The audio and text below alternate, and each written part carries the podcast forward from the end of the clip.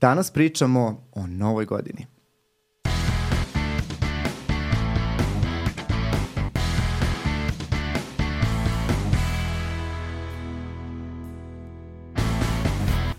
Ćao ljudi, dobrodošli u još jednu epizodu Dva i po psihijatra. Jako smo srećni što je uh, nedelja, dan kada izlazi uh, naša epizoda upravo pada na 31. decembar kada je i nova godina, tako da bismo evo pre svega š, uh, prvo želeli da vam svima čestitamo novu godinu uh, i da krenemo evo ovaj razgovor Olivera, uh, nikad ne mogu biti radosniji nego što sa tobom dočekujem novu godinu upravo u ovom studiju, nekako da ovekovečimo i zaokružimo celu ovu godinu kad smo u stvari i započeli ovaj podcast. Srećan ti nova godina. Hvala ti. I drago mi je nekako što, da kažem, eto večeras pre zvaničnog slavlja sam ovde sa tobom. Tako da u stvari slavlje nama počinje sada ovde. Znači dva i po psihijatra kreću da slave novu godinu tako u studiju. Je, tako, tako je. je. Tako je, mi ćemo da krenemo evo već od šest popodne da tako slavimo. Je, Znaš, tako mi je. ćemo da imamo onaj matine. Sad što po, počinje onako da postaje Popularno. Popularno, To sam jeste. primetila da poslednjih godina i moram ti priznati da nisam do sad bila na tim matinejima, ovo mi je prvi u životu. Evo, matine u studiju. Tako mi je. ćemo da uvedemo taj novi pojam. tako je, matine u podcastu. U podcastu, tako da. je, tako je, da. E, ja moram da te pitam, je li ideš negde večeras? Idem. Idem, Stvarno? jeste. E, I čak mi se desilo ove godine po prvi put da sam nekako dosta ranije isplanirala. Obično to planiram u posljednjem trenutku. Ali volim da idem. Volim da. volim da idem da sam među ljudima, među svim prijateljima i da baš onako slavim E, bez obzira što da kažem nekako ljudi e, nemaju baš, imaju ponekad malo ambivalentan odnos prema novoj godini, e, pogotovo pa to i primećeš sam po reakcijama ljudi, ja, o, nova godina, gužve i tako dalje, a u stvari ja lično volim. Mm -hmm. Volim, generalno volim sve e, različite oblike nekih rituala i slavlja koje se vezuju za određene datume.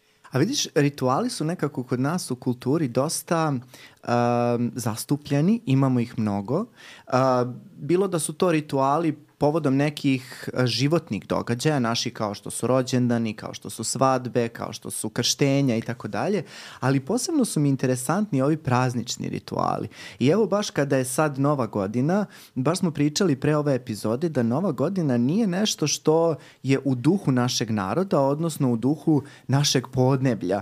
I baš sam uh, u jednom trenutku se zapitao otkud nova godina kod nas i zašto mi imamo te dve nove godine, odnosno ova 31. decembra, 14. januara on, i onda između imamo Božić i tako dalje. I onaj podatak na koji sam naišao, mislim, naravno, pretpostavljam da svi znaju da je to zbog razlike u kalendarima, stari, novi kalendar jeste. i tako dalje, ali ovaj, što se tiče nove godine, ono što je bilo interesantno jeste da nova godina u stvari uh, nije uh, nama svojstven običaj bio, nama je bilo uh, svojstveno do dugo vremena, recimo do nekog desetog veka u stvari, da se, uh, da smo se mi kao narod pripremali za Božić. I Božić je bio naš u stvari praznik koji je u duhu naše tradicije.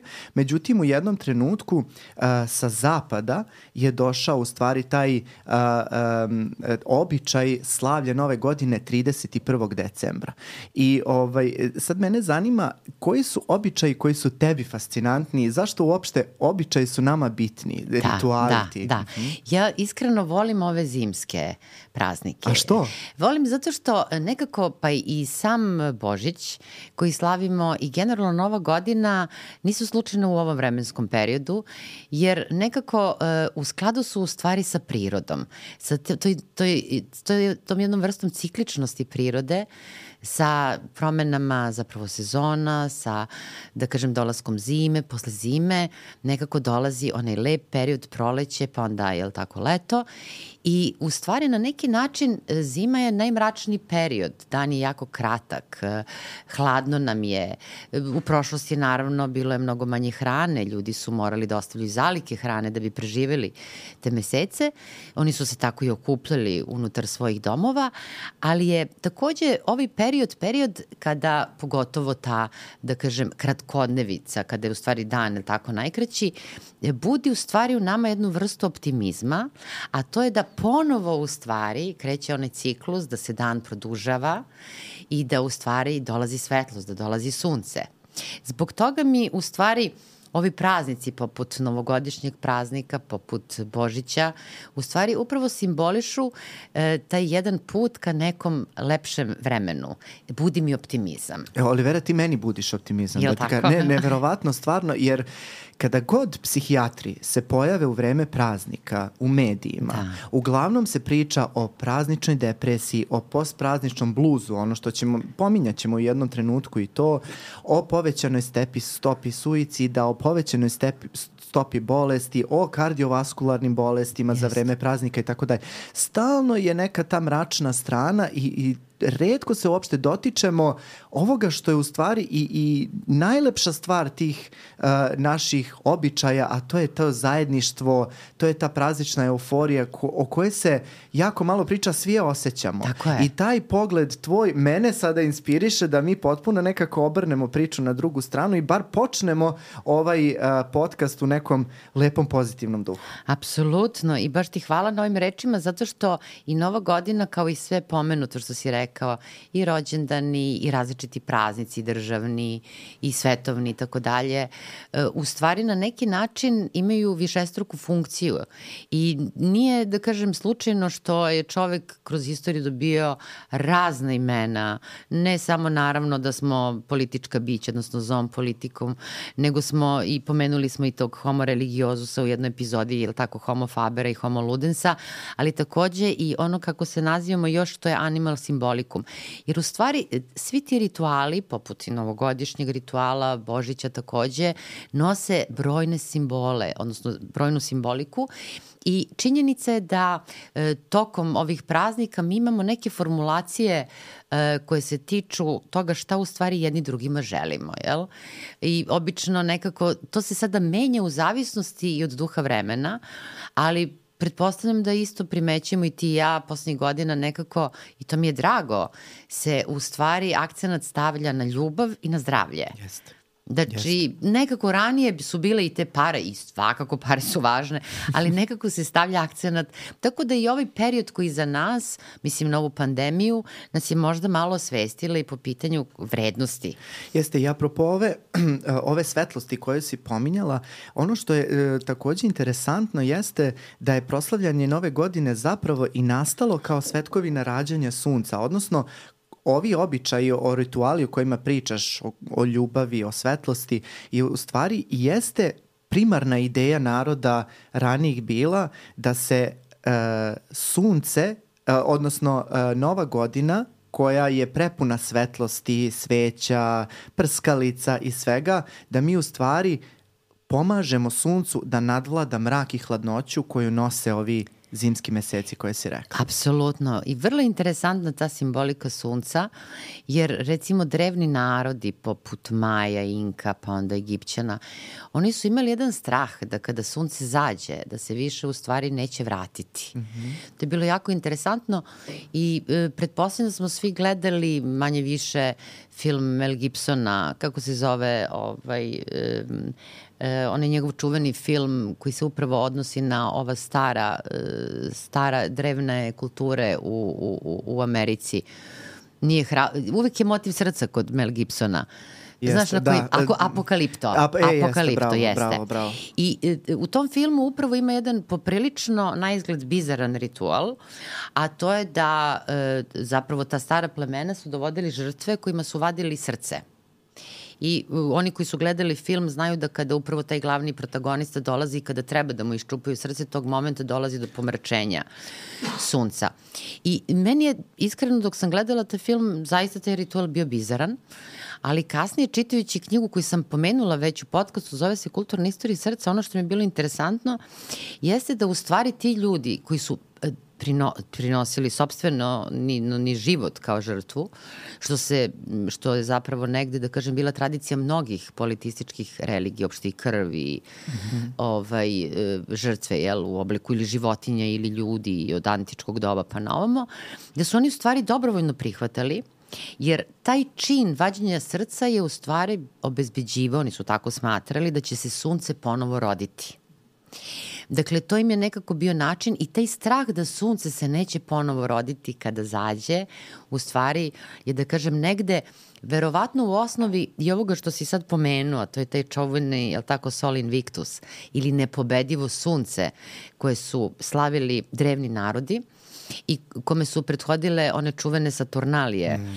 je tako, negde sredinom e, decembra meseca, a u stvari to su sve bili rituali sa idejom da se sunce, ne sada naravno u okviru 24-satnog ritma, već u toku godišnjeg ritma, ponovo probudi, da nas ponovo ozari i koliko je sunce nama u stvari važno, sedela sam jednom na moru, na obali i onako gledala sam zalazak sunca i razmišljala sam Zamisli samo mikrosekundu bez sunca.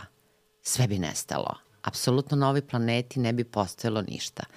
I zbog toga u stvari mnogi rituali, a pogotovo ovi sadašnji naši, e, imaju i dalje tu simboliku sunca i zbog toga ovo što si ti rekao i što si lepo pojasnio, ljudi imaju potrebu da tokom novogodišnjih praznika sve sija, da sve svetli, da sve, čak nekako onako neformalno kad smo pričali, e, novogodišnji praznik je poprilično kičast i treba da bude. Kič je na oko, za oko lep. On nema estetsku vrednost, ali on je lep. Da. Sve šljašteće, tako da Ovaj, nadam se da ćemo mi večeras da šljaštimo i da sijemo.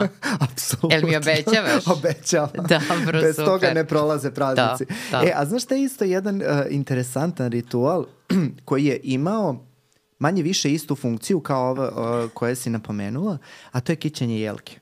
Ozbiljno? Da.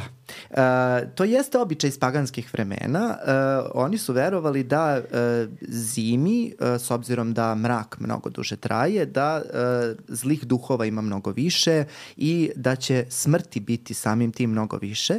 I onda su oni e, naravno pošto su najviše bili u kontaktu sa prirodom od svih ljudi do ovaj u to vreme u stvari e, videli da postoji jedna vrsta drveća koja ostaje ista tokom cele godine, to je zimzeleno drveće i izabrali su najlepše po njihovom mišljenju od tih, uh, od, tih, od tih drveća, to je bilo u stvari drvo jelke. I oni su ih, uh, oni su ih unosili u svoje kuće i obožavali u svojim kućima jer su verovali da će uh, takvo jedno um, večno živa biljka u stvari doneti i njima život i ovaj, to je meni eto bilo interesantno kako je u stvari i dan danas se očuvao taj ritual. Međutim, a, kićenje jelke je nastalo tek kasnije, negde tamo a, a, u srednjem veku, kada su ljudi počeli da kite jelke onim što čime su imali. Nekako su imali potrebu da uh, ulepšaju i da pridodaju na celo taj ritual unošenje jelke u kuću i kitili su ga orasima, bademima, onom čime su raspolagali manje više. I uh, s obzirom da uh, je to uzelo maha u velikoj meri, Amerikanci su uh, u jednom trenutku zabranili taj običaj. Smatrali su, da, smatrali su da je to potpuna uh, blasfemija, da je to ne, nedopustivo i u 17. veku uvede potpuni ban na kićenje jelke, čak zakonom propisano da se takve, takvi paganski običaji ne smeju, a, ne smeju sprovoditi i kad se u stvari to promenilo, znači kraljica Viktorija i njen suprug Albert koji je bio, ovaj, kao što znaš, po poreklu Nemac, da. a, a, a nekako taj ceo običaj kićenje jelke i potiče sa podneblja a, Nemačke, a, su se slikali a, nakon to, te zabrane, slikali su se sa jelkom, tamo negde, ja mislim da je to bilo uh, uh, 1850. godina i uh, u jednom momentu uh, su izbacili tu sliku u novine i sve britanske domaćice su želele da kopiraju u stvari taj doživljaj te da, porodice, tu atmosferu, tu atmosferu. Da. i tada je uzeo maha i širio se i širio se i evo i dan danas mi ovaj kitimo jelku, doduše ti i ja malo manje nego, neče, nego neki drugi. Nego neki drugi, ali eto moram da kažem sjajan, stvarno sjajan običaj koji uh, kao što si rekla ima veliku simboliku kao svaki naš običaj. Apsolutno. I sad onako probudi mi si mi brojne asocijacije, prvo stvarno viktorijansko doba je poprilično determinisalo podsticalo mnoge kulturološke fenomene kasnije, o nekima smo i pričali u krajnjoj liniji kada smo govorili u epizodi o histeriji, sada ovo potpuno naravno drugom kontekstu. Viktorija je stvarno bila jedna izuzetna žena i imala je, da kažem, tu snagu da neke stvari pokrene. E, biljka takođe koja se dovodi u vezu sa Novom godinom je imela i koliko puta na razglednicama ili na ukrasima i tako dalje. Isto imamo jednu biljku zato što je zimzelena, zato što tokom u stvari tih mračnih tamnih dana, kratkih dana, hladnih dana opstaje Jeste. u prirodi. I u stvari to su biljke koje upravo, opet kažem, bude tu jednu vrstu optimizma da možda priroda trenutno spava, ali da je priroda tu, da život postoji i da se u stvari posle tih dana on ponovo, ponovo na neki način budi.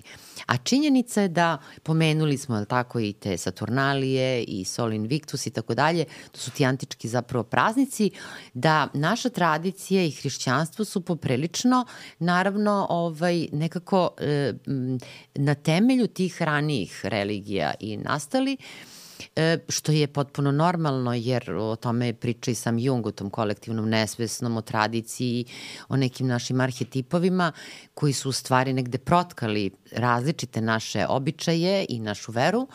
I e, nije slučajno što su u stvari rano hrišćani negde, e, tako čini mi se u trećem veku, Treće. onaj čuveni mm -hmm. prvi, ili tako, sabor u Nikeji, doneli u stvari odluku o zvaničnom slavljenju Božića i Uskrsa, mada neki izvori kažu da u stvari dogovor hrišćana o slavljanju ova dva praznika nije bilo baš u isto vreme, ali ovo su, da kažem, neki izvori na koje sam naišla u poslednje vreme. Ima jedna sjajna knjiga koja mnogo detaljnije o tome priča. U svakom slučaju, zavisnosti isto od podneblja. Pomenuo si Nemce. Ono što je meni bilo interesantno i stvarno sam se uvijek pitala zašto za jedan drugi praznik, uskršnji praznik, obično se stavljaju jaja i zečevi. Kakve veze imaju zečevi i jaja? Mislim, razumem kokošku i, i jaje, ali ne razumem kakve veze ima zec, je tako, sa farbanim jajetom. I onda sam u stvari pronašla da to ima veze sa, u stvari, nemačkim paganskim verovanjima, germanskim tačnije. Eto da. Aha. A kod nas je nešto potpuno drugo i da ne zaborim, ja mnogo volim taj praznik, a to je Badnje veče. Da. Badnje veče, a opet ima veze sa našim staroslovenskim bogom sa, je tako, badnjem i ba, upravo do badnje veče koje, taj badnjak koji se unosi, ovaj, e, meni je bilo preslatko, pošto znamo ono paljenje badnjaka koje je stvarno nekako veličanstveno i kada je moja sestričina bile mala, imala je četiri godine, išla da odnese e, badnjak e, tamo u deo gde je crkva naša, ovaj, ona kaže ovo je beba badnjak, zato što je nosila ja, mali, mali badnjak, badnjak, da, pa je onda to beba badnjak, tako da je Teodora odnela bebu badnjaka, jo, da. Slatko. Apsolutno. Je, znaš kako, i to veče mi je mnogo lepo zato što je porodično. I, I ono što mi je takođe interesantno, što verovatno opet ima neku svoju i sociološku i kulturološku komponentu, a to je da svako ko se zatekne tokom badnje večeri u kući ne sme da izađe iz kuće, on mora tu da ostane, je li tako? Yes. Pa onda, je li tako, položajnik.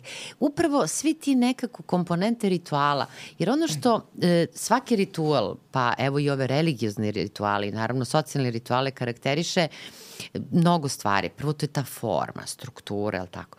Pa onda jedna ta tradicionalna vrednost, to prenošenje sa kolana na kolano. Pa onda vreme, tačno u određeno vreme. E, I to vreme je jako interesantno zato što e, postoji jedan fenomen upravo zbog te jedne repetitivnosti kao da je vreme u tom trenutku stalo. Mi nažalost nemamo taj osjećaj mislim da je to više zbog one pred, recimo, novogodišnje groznice.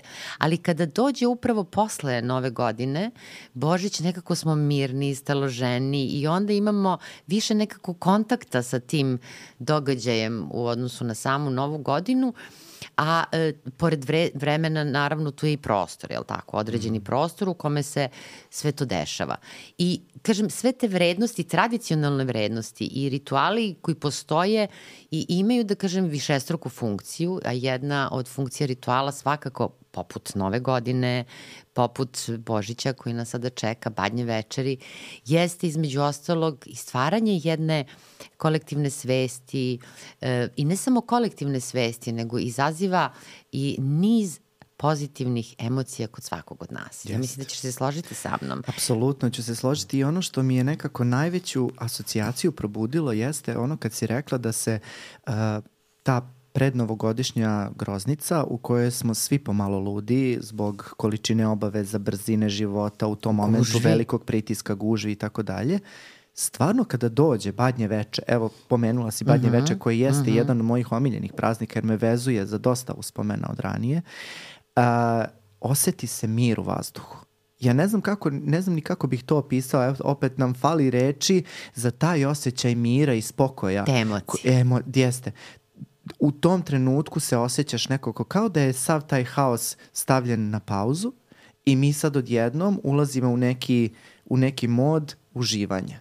I tako mene, evo ja kad pomislim na 6. januar, ja pomislim na taj mir i kao da vreme stoji u da, tom nekom da, periodu. Da, da. I šta me u stvari, e, naravno, nažalost, nažalost moram da kažem, to se nekada prekida količinom petardi koje pucaju oko nas, ali ajde, to sad ovaj, je, je druga tema. A sa druge strane, ima pridodao bih još, jedno, uh, još jednu funkciju ovih rituala koje si napomenula, a to je zajedništvo. Da.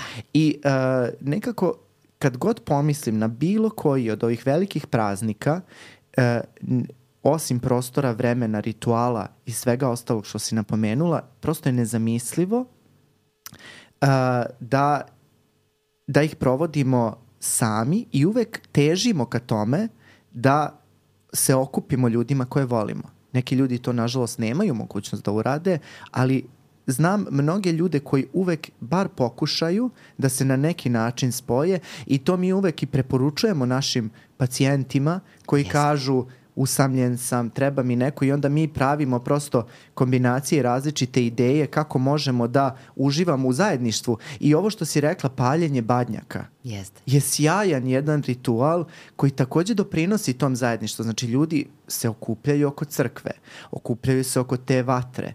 Prosto stvara se osjećaj tog kolektiviteta, ljudi se osjećaju ispunjenije. Tako I mislim da je to jedna od najvećih vrednosti. Možeš ti biti ili ne biti religiozan, ali ne možeš da opovrgneš činjenicu koliko nas ta jedna stvar spaja i stvara osjećaj da nismo usamljeni, da nismo sami. Ono što je interesantno to je da nekako uopšte ritualima su prvo počeli da se bave sociolozi i antropolozi naravno, ali ono što je meni jako interesantno to je da poslednjih možda nekih 20-25 godina, dakle tek poslednjih četvrt veka, u stvari negde m, ritualima počinju da se bave i psiholozi, i psihijatri, i neuronaučnici, i kognitivisti. E, čak postoji jedan termin, zove se neu, neurognoza, koji u stvari govori o toj vezi između te socijalne komponente i e, zapravo rada našeg centralnog nervnog sistema. I činjenica je da ovakvi svi de, sva ova dešavanja, jer mi ne možemo da negiramo da smo i biološka bića, utiču na rad našeg mozga, utiču na nas, utiču pogotovo na onaj emocionalni deo mozga i zato mi je jako drago što si negde pomenuo da obično psihijatri kada govore o nove godine ili kada ih novinari pozovu da daju neku izjavu ili psiholozi, govore o tim negativnim aspektima, A ono što je mene lično iznenadilo dok smo se vozili do ovde, pomenuo si da to baš nije tako, tako da ću te zamoliti da, ovaj, da detaljnije u stvari objasniš o čemu se zapravo tu radi i da u stvari, ja ću samo dodati, postoji mnogo više pozitivnih emocija nego negativnih emocija koji izazivaju praznici, mi ih nazivamo naravno praznicima, tu ceremoniju, običaj ili kako god. Uh, novogodišnju, jer e, generalno rituale delimo na one koji su religiozni i one koji su socijalni. Nova godina je svakako socijalni, je li tako, ritual? Ali, molim te, ponovi ono što si meni otkrio. Mm -hmm. Ovo, ja sam zaista fascinirana tim podatkom, a tiče se upravo tih fenomena uh, e, o toj jednoj novogodišnjoj depresiji, porastu samoubistava i tako dalje. Jeste. E, mogu i prosto svi da sprovedu jedan eksperiment da ukucaju e, Nova godina i psihijatar ili psiholog u Dobro. emisiji ili šta god u tom nekom smislu i naići će na pregršt novinskih članaka, pregršt tele, televizijskih intervjua ili podcasta u kojima e, psihijatri iznose taj jedan podatak koji datira još od 90. godina, gde su istraživanja pronašla da Nova godina i uh, decembarski praznici sa sobom nose najveću stopu suicida.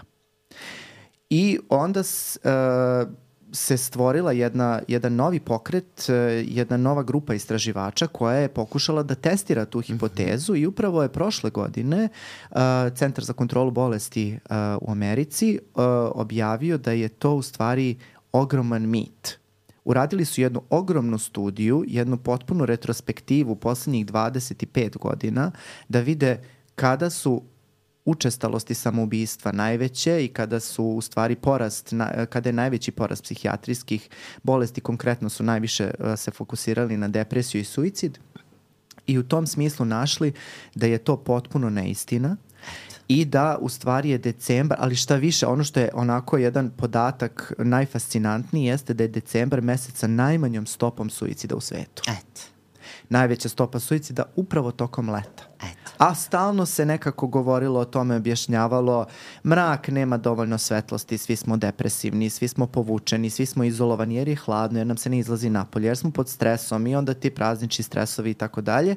Međutim, znači potpuno jedna zamena teza da, i jedan da. potpuš, potpuno pogrešna informacija i e, moram da apelujem u ovom smislu i na naše kolege koje znam da nas slušaju e, po, pogotovo u domenu psihologije i psihijatrije kada nastupaju u medijima moramo da kažemo da e, to može i da ima i čak negativan efekt. Ja, ja uvek shvatam da je to iz najbolje namere da ljudi prosto žele da pomognu i da alarmiraju da ukoliko osoba pati od već postojećih psihijatrijskih tegoba da je se stanje može pogoršati što se slažem da može, sve je u redu, ali da e, se ne izveštava na tako jedan senzacionalistički način, da ne pravimo sebe mnogo pametnim time što ćemo izneti tako neki suvoparni podatak koji može imati veliku, uh, velike posledice zato što eto, svedoci smo različitih događaja prethodne godine gde znamo da postoje ti fenomeni kopiranja, fenomeni senzacionalizacije koji u stvari mogu da naprave veliku štetu. Pa da, evo meni pada na pamet, sada ne mogu to da tvrdim e, pouzdano, ali mi pada na pamet upravo što si sad rekao, taj efekat kopiranja ili čuveni Werterov efekat, koji je nazvan, je tako, po Geteovom yes. romanu Jadi mladoga Vertera, koji kada je on objavio je krenula serija samobistva mladića zbog nesrećne ljubavi. I meni se dopada što pojedine udruženja poput recimo Američkog udruženja suicidologa i Američke psihijatrijske asocijacije, oni su čak zabranili reklamu, um, um, jednu reklamu za jedan automobil, jer je imao te elemente da kod ljudi može da indukuje samoubistvo. I zaista su u tome uspeli. Koliko u stvari takvo medijsko prikazivanje može kod ljudi koji su izolovani, koji su sami, da u stvari na neki način podstakne ih na takvo jedno promišljanje. I kada si pomenuo naše pacijente, imajući u vidu da i pored tolike borbe protiv stigme, ona i dalje postoji, ono što mi uvek radimo uh, u okviru svojih odelenja, bilo da radimo u dnevnoj bolnici ili da radimo na odelenju pred praznike, uvek sa njima razgovaramo s kim će da provedu novu godinu, šta planiraju za novu godinu i to je jako važno. Zato što su uh, iz mnogih brojnih socioloških, kulturoloških razloga, a i sa druge strane njihovog doživljaja, nažalost postoji onaj fenomen samostigme, nekada teže da se izoluju i onda im čak predlažemo da tokom novogodišnjih praznika, ne zbog rizika od samoubistva, nego da ne bi bili sami, da ne bi bili izolovani, predlažemo da budu u bolnici i ono što uvek radimo to je da pravimo im zaista novogodišnju atmosferu I evo, otkriću ti tajnu, ali dobro, sada je već 31. pa mogu da kažem, već smo već pripremili i torte i kolače i onako baš ozbiljno slavljene na institutu za naše pacijente, da autentično dožive taj kolektivni duh, i da se zaista osete dobro u novogodišnjoj noći. Da. Jeste, i mi to generalno vrlo često radimo, iako je reč Kod o mladim deci. ljudima, da. A, međutim, postoje mladi ljudi koji nemaju taj osjećaj porodice, s obzirom da porodicu nemaju, da li da. dolaze iz domova, iz nekih da. drugih prihvatilišta i tako dalje. Ili uh, je postojala neke, neki vid izolacije u bilo kom smislu, bilo zbog zlostavljanja ili ne znam nija čega. I ovaj, ono što, što smo nekako videli jeste da raz, razgovor o praznicima predstojećim donosi neki osjećaj mira. Uh, ono što mladim ljudima generalno mnogo prija jeste uh, predvidivost i uh, unapred razmatranje onoga što dolazi. Ljudi, uh, mladi ljudi, pogotovo deca, uh, mnogo vole kada znaju šta ih čeka. I mi tako onda i vrlo često kada de, de, recimo neko dete ima ozbiljan psihijatrijski poremećaj ili razvojnu tegobu, govorimo da ih unapred pripreme na ono što nas čeka, jer ne možemo nikada da znamo šta će jedno dete sa autizmom da iznenadi, jer svi znamo koliko se naša okolina, pa sama naša kuća naš prostor promeni kada su praznici, kada dolaze. Da, A da. ono što znamo jeste da deca sa razvojnim poremećama jako teško podnose promene. I ono što mi govorimo roditeljima jeste da uvek dete unapred pripreme za ono što ih čeka. A to ne važi samo za neurorazvojne poremeće. To važi generalno za sve ljude. Svi mi volimo da znamo šta nas čeka i ne volimo baš mnogo velika iznenađenja i velike promene. I kako bismo izbegli u stvari šok, taj inicijalni koji nas čeka kada su praznici u pitanju, uvek volimo da razgovaramo i promatramo i onako kroz jedan neformalni razgovor moram da kažem Mi to radimo na, na terapijskim grupama gde se okupi 15 do 20 dece i ono što kažu amerikanci brainstormujemo, bacamo da. neke ideje, kako ćemo ovo, šta ćemo, a šta ćeš ti kad, kad izađeš iz bolnice, s kim ćeš da budeš, pa ajde na primer tri stvari mi navedi šta ćeš da uradiš u novogodišnjoj noći, kako, kako bi volao da ti Božić? I tu onda stvaramo jednu prekogniciju, jednu, jednu napred isplaniranu stvar, I strukturu. strukturu, tako je, kojoj osoba može da se raduje bez osjećaja straha, šta je u stvari čeka u tim vremenima. Da, da.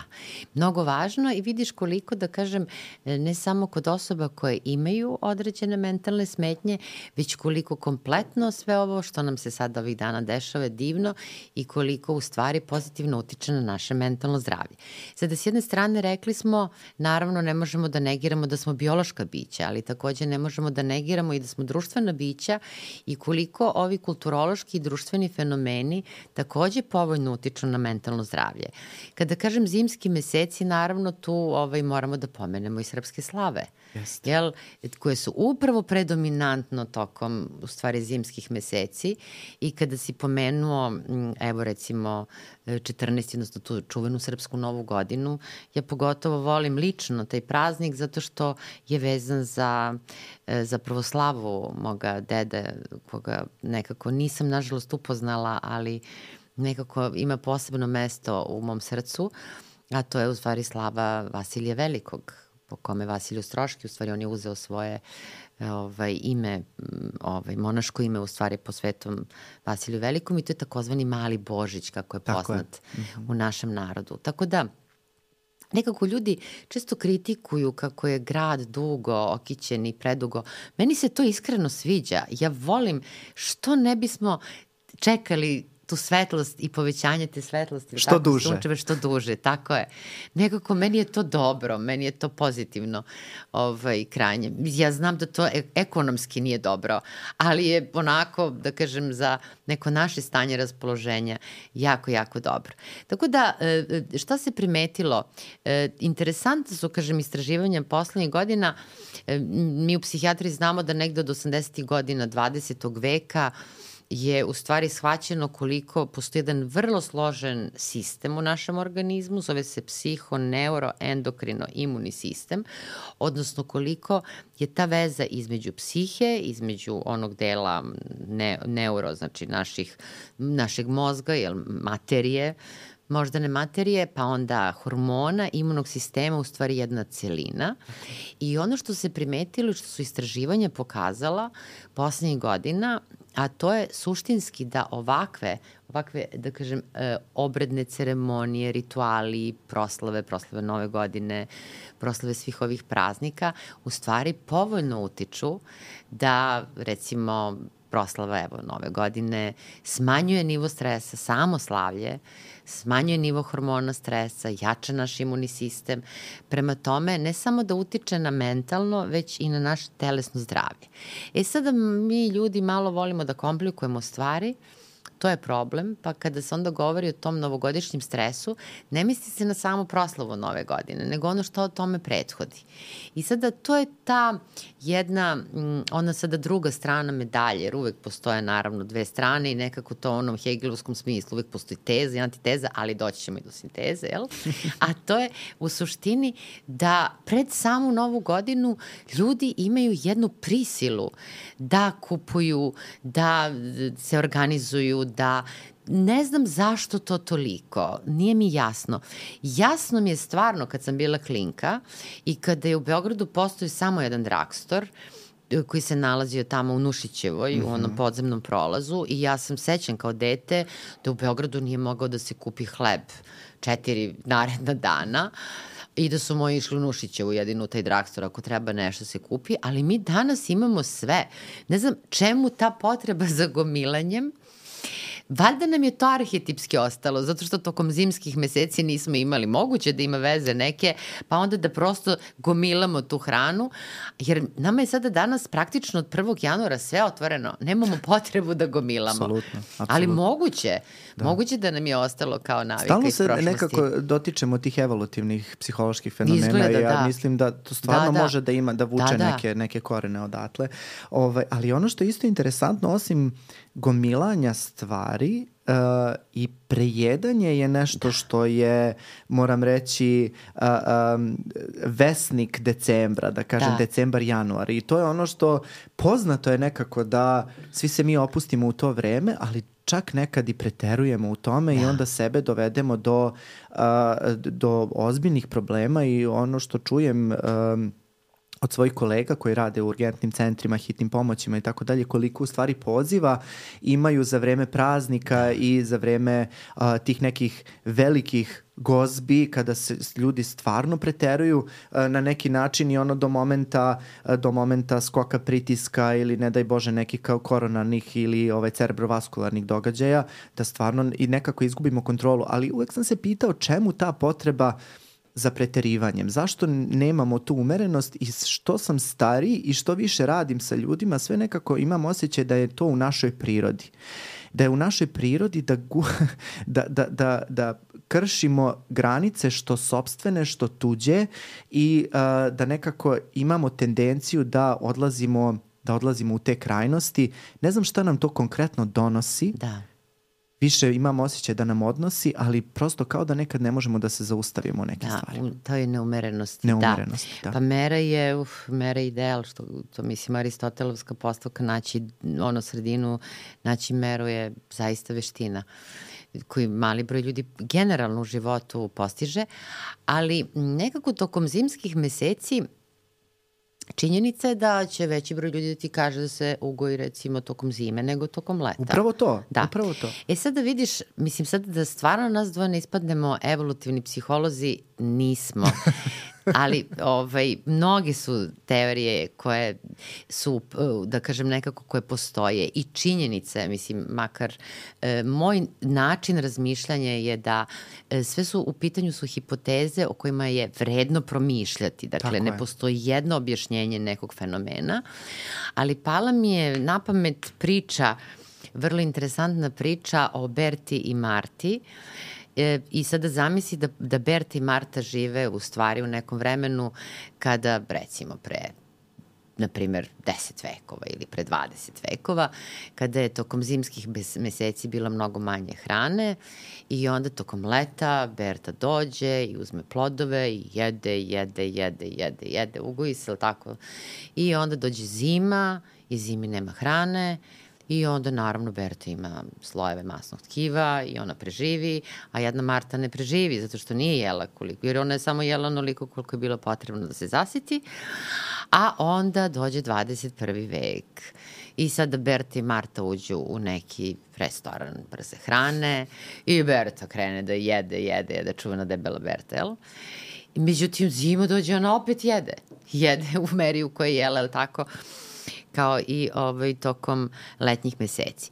Činjenica je da nekako, da kažem, postoji ta adaptivna funkcija i činjenica da treba da odnosno da je u prošlosti bilo potrebe da se ti resursi povećavaju tokom letnjih meseci, a tokom zimskih meseci koristimo te resurse. Sada kultura se promenila i e, u stvari to je ono, pomenuli smo, mislim, u jednoj epizodi Stevena Pinkera i onu njegovu čuvenu knjigu, u stvari koji govori o tome koliko mi živimo danas u najsigurnijim vremenu. Jer yes. nama su resursi danas mnogo yes.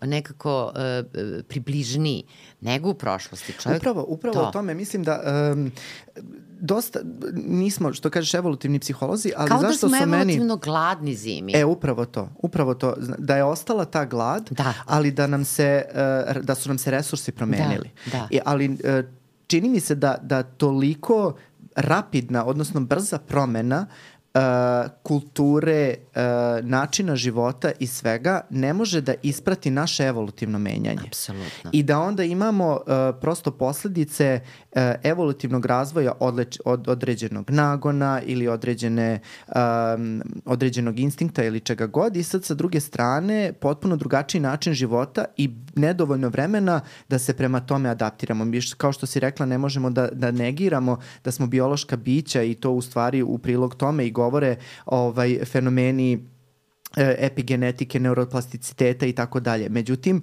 tu su potrebni vekovi tu su potrebni vekovi da bi, da bi se to, ta promena u nama u stvari uh, desila da bi se mi adaptirali na neki, na neki način, pa evo od majmuna smo prešli do, da hodamo na dve noge.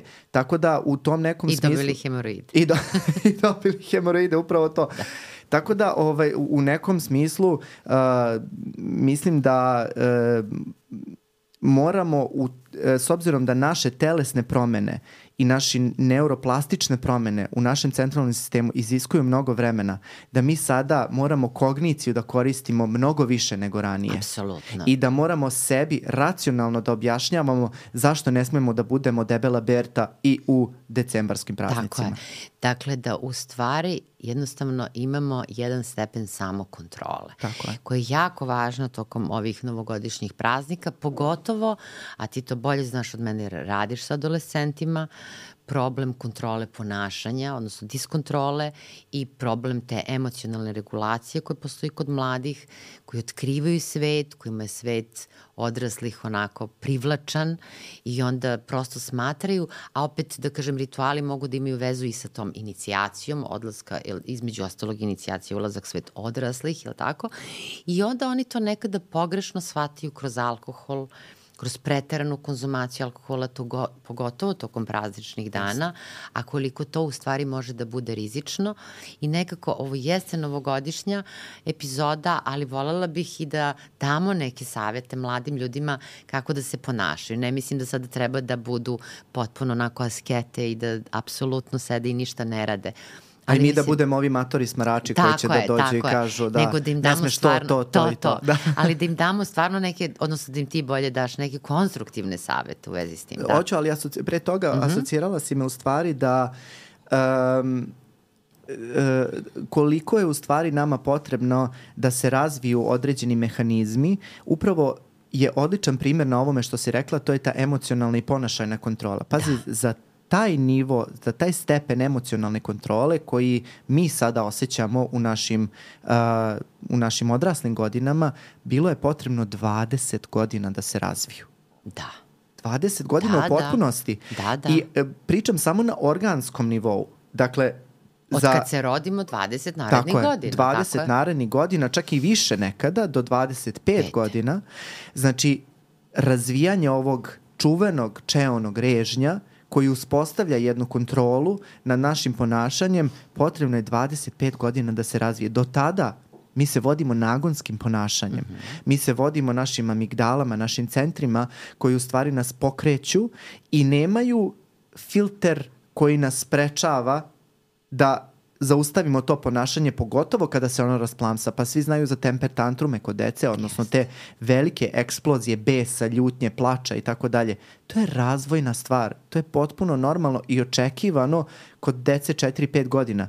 Zato što oni najviše reaguju tim centrima za strah, za bes, za agresiju, za, za, za jedno nekontrolisano ponašanje, a nemaju nikakvu blokadu s obzirom da ta veza između čevnog režnja i amigdala još uvek nije uspostavljena. Nije razvijena. Nije razvijena. Da. Ona se uspostavlja postepeno, znači prvo jednosmerno, pa dvosmerno, uspostavlja se tamo negde od predškolskog uzrasta pa do e, e, sredine adolescencije, ali u potpunosti se tek razvija tek posle 20. godine. Tako da je apsolutno očekivano od mlade osobe da probava, da testira, da nekako traži se u tom svetu, jer um, ono što je i karakteristika adolescencije jeste da se mi okrećemo leđa kući, okrećemo leđa porodici, svojim roditeljima. Roditelji postaju najveći smarači, oni su neko ko nas blokira, ko nam stavlja granice, a svi znamo koliko adolescencija ne trpi granice. Ne. Tako da u tom smislu testiranje granica potpuno očekivano. E onda dolazimo do problema kada to ode u ekstrem. Jer kao što smo rekli, živimo u izobilju, živimo u periodu a, previše permisivnog roditeljstva i u tom smislu a, često se dešava da nedostatak granica iz najranijeg perioda vodi do jednog potpuna, potpunog a, neose, a, a, kako bih rekao, nepostojanja osjećanja za druge ljude i za samog sebe u periodu kada testiramo sve živo i onda dovo- dovodimo sebe u opasne i rizične situacije. Da.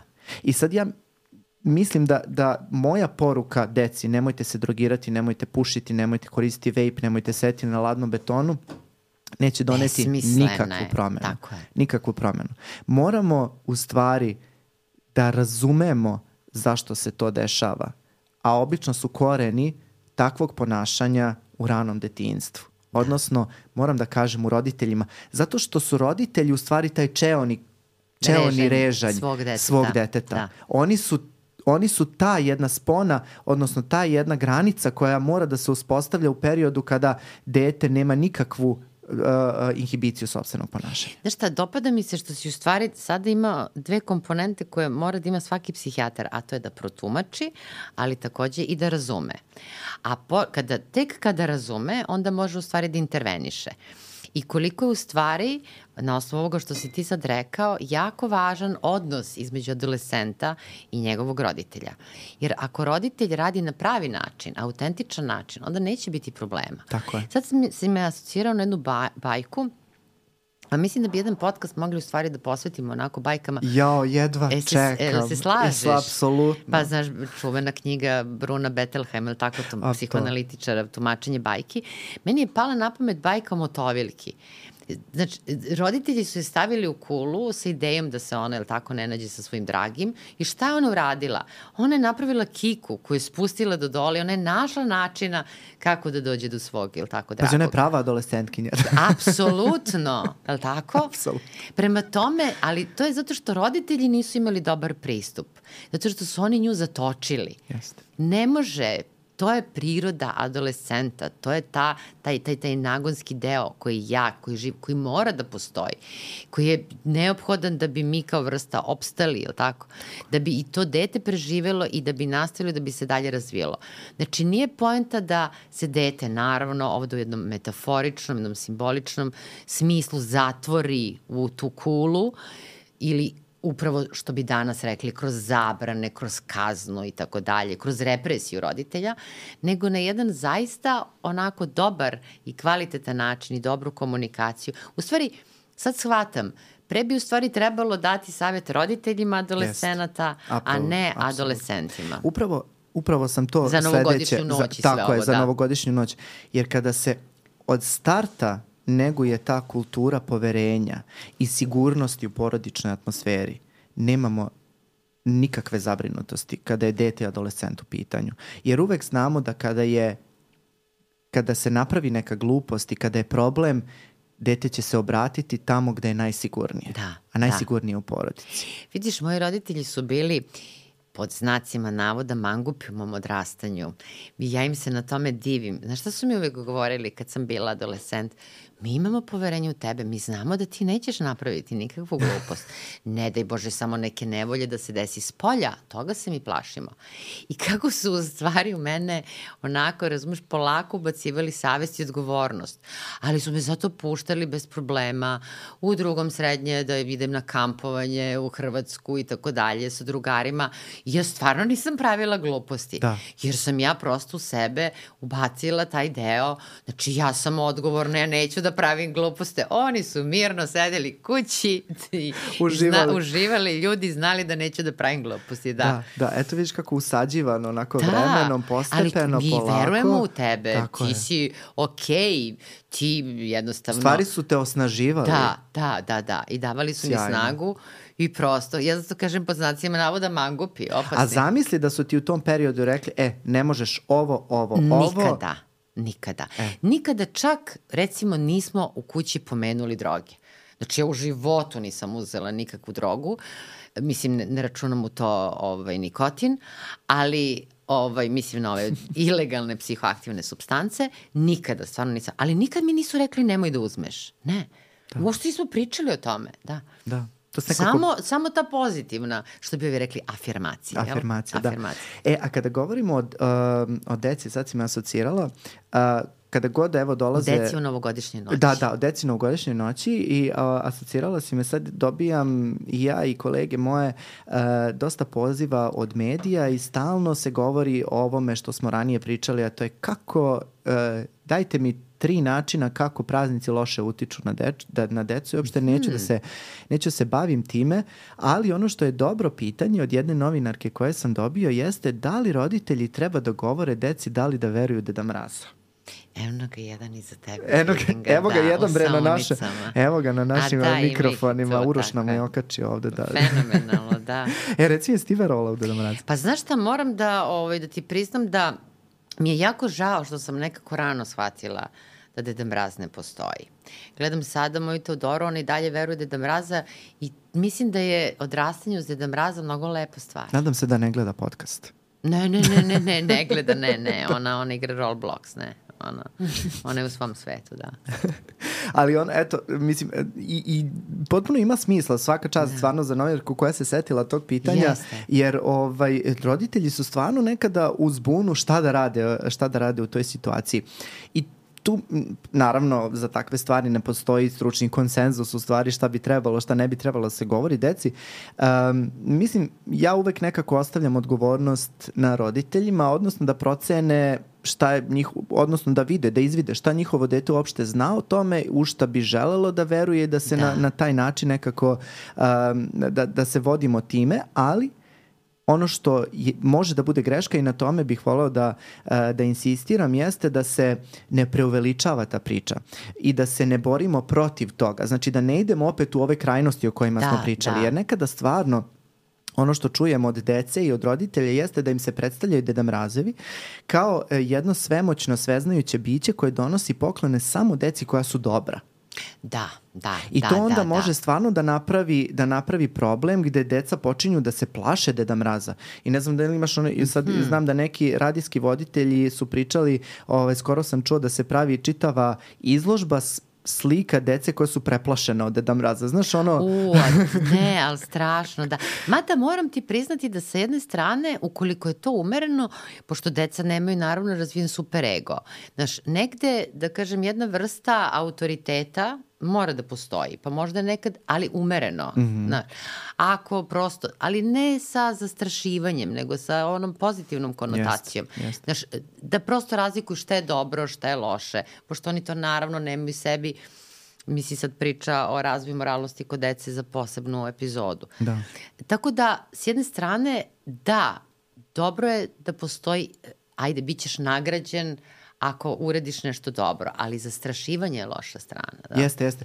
I ono što moram I to nekako... može da razvije čak i onaj kažnjavajući superego. Da, apsolutno, apsolutno. I ovaj, ono što, što ljudi generalno ne znaju jeste da je to magijsko mišljenje koje, za koje mi znamo da je nekako uh, odlika najprimitivnijih kultura, u stvari normativna, normativni način razmišljanja dece do šest godina. Dakle, potpuno je normalno da deca misle da njihove misli mogu uticati ili promeniti događaje oko njih samih, prosto... To je razvojna faza razvojna mišljenja. Razvojna faza Da. mišljenja, da. apsolutno. I to verovanje u Deda Mraza je potpuno okej okay i nekako iz moje neke perspektive i lekovito u yes. tom periodu. Stvarno, i meni je žao što su mi rano nekako skrhali tu ideju da. o Deda Mrazu, jer sam se uvek... Trend je, da, da, da. da. E, ali ono što, zašto e, roditelji u posljednje vreme ovaj, vole malo da i da preteruju, naišao sam na jedan termin za koji nisam mogao da verujem, pomislio sam, bože, pa je li moguće da se i ova stvar psihijatrizuje, a to je PTSD, SC, a to je Santa Claus PTSD. Znači, ja. odnosno PTSD, odnosno posttraumatski stresni poremećaj koji nastaje nakon otkrivanja deci da Deda Mraz ne postoji. Pa po Bogu. Pa po Bogu. Veliki, sa, oboje smo protivnici. Zaista ne možemo sve fenomene da proglašavamo patologijom. Pa ja stvarno mislim da svi ti ono internet psihijatri, internet guru i samo jedva čekaju da se dohvate Jest. neke novog termina Jest. koji će oni da plasiraju i da brendiraju i da prosto I, da ga, pod, i sad šta treba, proguraju. To još, šta I treba sad, da se leči. Da, mislim, i kako da ti kažem, ono sad roditelji su potpuno kao čeka, da. jer moguće da, da će saopštavanje detetu da, ne, da mraz ne postoji da izazove psihičke smetnje. Ono što bih ja, im, ja rekao jeste da ekstremna reakcija deteta na tu situaciju, mislim, u stvari odgovor deteta, normalan odgovor, jeste plač, bes, r, traje jedan dan i ćao. Tako I promeni se. Ako je ekstremna reakcija, ako traje nedeljama... To je onda ako... lakmus papir nečeg drugog. Pa tako je, to znači da se nešto drugo dešava, znači da uopšte nemamo problem sa tim. E, ali ja bih te pitala sada, a na koji način, recimo sada dete odrasta i sad ono živi u ubeđenju da Deda Mraz postoji, kako roditelj sad da mu saopšti jednog trenutka ipak da Deda Mraz ne postoji? I postoji jedna interesantna priča, uh, mislim da vodi korene, vodi korene iz Indije, kada je uh, jedno dete pitalo svog tatu, uh, te, tata da li Deda Mraz postoji uh -huh. i onda ga je tata pitao da li stvarno želiš da znaš. Uh -huh. Jer to je stvar koju ukoliko ti sada kažem nema nazad. Dakle, to je, nema, nema promena. Uh -huh. I on je rekao da želim da znam i onda mu je tata rekao Deda Mraz ne postoji, ali Deda Mraz je samo ideja. Znači, Deda postoji Mraz, ideja. E, tako je, razum. postoji ideja o Deda Mrazu i uh, Deda Mraz je u stvari simbol donošenja poklona, donošenja sreće. Ta, mama i ja smo tebi kupovali poklone, to znači da te volimo, to znači da brinemo o tebi.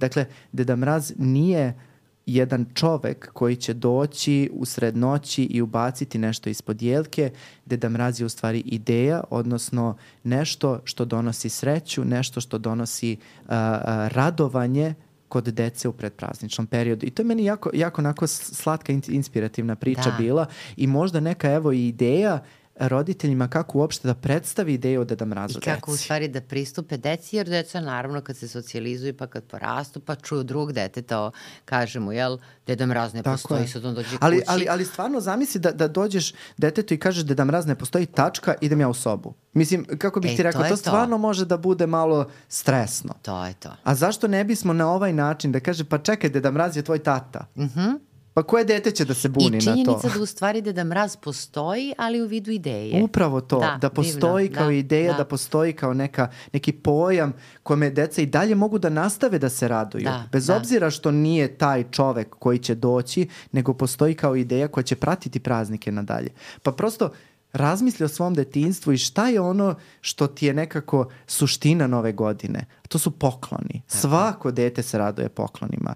I naravno u skladu sa tim ide da mrazu. I mene tako lepa sećanja vežu za, za detinstvo, pogotovo kada su praznici u pitanju i, i, tip otva, i sam čin otvaranja poklona. Pa ono, znaš, ono jedva ček, pa ne možeš da spavaš uveče Jeste, 31. jer jest. jedva čekaš da se probudiš ujutru, da vidiš šta si dobio. Tim, šta je ispod jelke. Šta je ispod jelke, šta te to da, čeka? Ma, da. Stvarno, mislim... Pa to je ono što je karakteristika svih rituala, pa naravno i ovih novogodišnjih, prazničnih, to je ta praznična atmosfera, kako je nazivamo.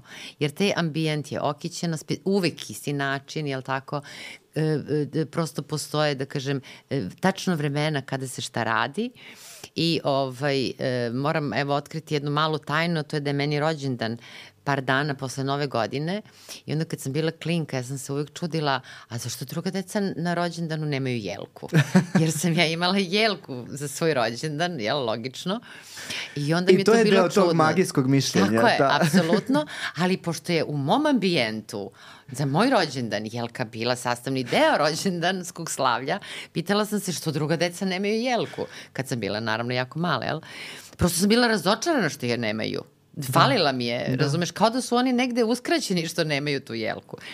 Tako da moguće da ja i volim ove praznike jer nekako ide onako i niz nekih rođendana koji su meni jako dragi, tako da sve skupa, znači prvo su slave, pa onda naravno Nova godina, pa rođendan, pa onda tu Božić. A moram da ti ispričam isto jednu simpatičnu, godina, da. da. moram da ti ispričam jednu, jednu simpatičnu priču apropo ovog magijskog mišljenja. A, kada mi je došlo jedno dete a, i u mojoj kancelariji je uvek potpuni haos. Znači to su igračke bojice na sve strane, crteži i tako dalje. I, ovaj, I ja uvek dajem detetu, pogotovo kada pričam sa roditeljima o problemima, volim da se dete potpuno izoluje u svoj svet, uzme da crta boji i tako dalje. I sad evo kad su bili ovi praznici, uh, imam jednu bojanku Deda Mraza koju volim da dajem, volim da dajem deci i uh, meni jedno dete kaže uh, Deda, uh, rekao kojom ćeš bojom da, obro, da obojiš Deda Mraza, on kaže šesticom. I sad ja se zapiću, kao, pa dobro, mislim, da. kako ja ti kažem, radim na psihijatriji, svakakve sam odgovore čuo da. i rekao, ajde sad. Međutim, um, meni je majka posle objasnila, ja sam pitam, pa dobro, kakve to veze ima sa, sa bojom? Ona meni kaže, on je daltonista. A, I oni nisu znali, a za, zamisli kako je dečiji mozak genijalan. Mm. Pazi ovako, on nije znao da je on daltonista. I on je u vrtiću koristio bojice, ali ja ne znam da li ti znaš da bojice imaju brojeve na Da, a, gore, da, da, na, da, na da, vrhu. Pri vrhu imaju broj i on je mislio da svi ljudi na svetu u stvari raspoznaju boje po brojevima. jasno, jasno. I on je tako zapamtio i prosto do polaska u osnovnu školu nije ni svata, nisu ni svatali prosto da je dete daltonista, da. zašto on imaju one išiharine tablice pa se testiraju deca pri polasku Jasno. u školu, tad su zapravo u stvari shvatili, ali mi je presimpatično kako je dete, se on- on meni kaže pa ajde, ajde šesticom da obojimo, da Jasno, obojimo ovaj jasno. Deda Mraza jer su njemu sve boje, mislim, i podjednake, nije uopšte, da. da, i vidiš, interesantno je i Deda Mraz i Nova godina imaju tu simboliku crvene i zelene boje i nekako one su dominantne naravno, pored te svetlosti i tog, tih šljokica i sjaja koji nas, da kažem, nekako simbolišu i simbolišu sunce i svetlost generalno i one lepše dane koji dolaze i bude taj optimizam i upravo zbog toga ja mislim da tokom nove godine se i ovaj, negde e, ljudi imaju potrebu da drugim ljudima saopštavaju želje, ali opet vraćam se na tu imelu, ona ima u stvari u sebi tu crvenu i zelenu. I to su zaista izvorne novogodišnje boje.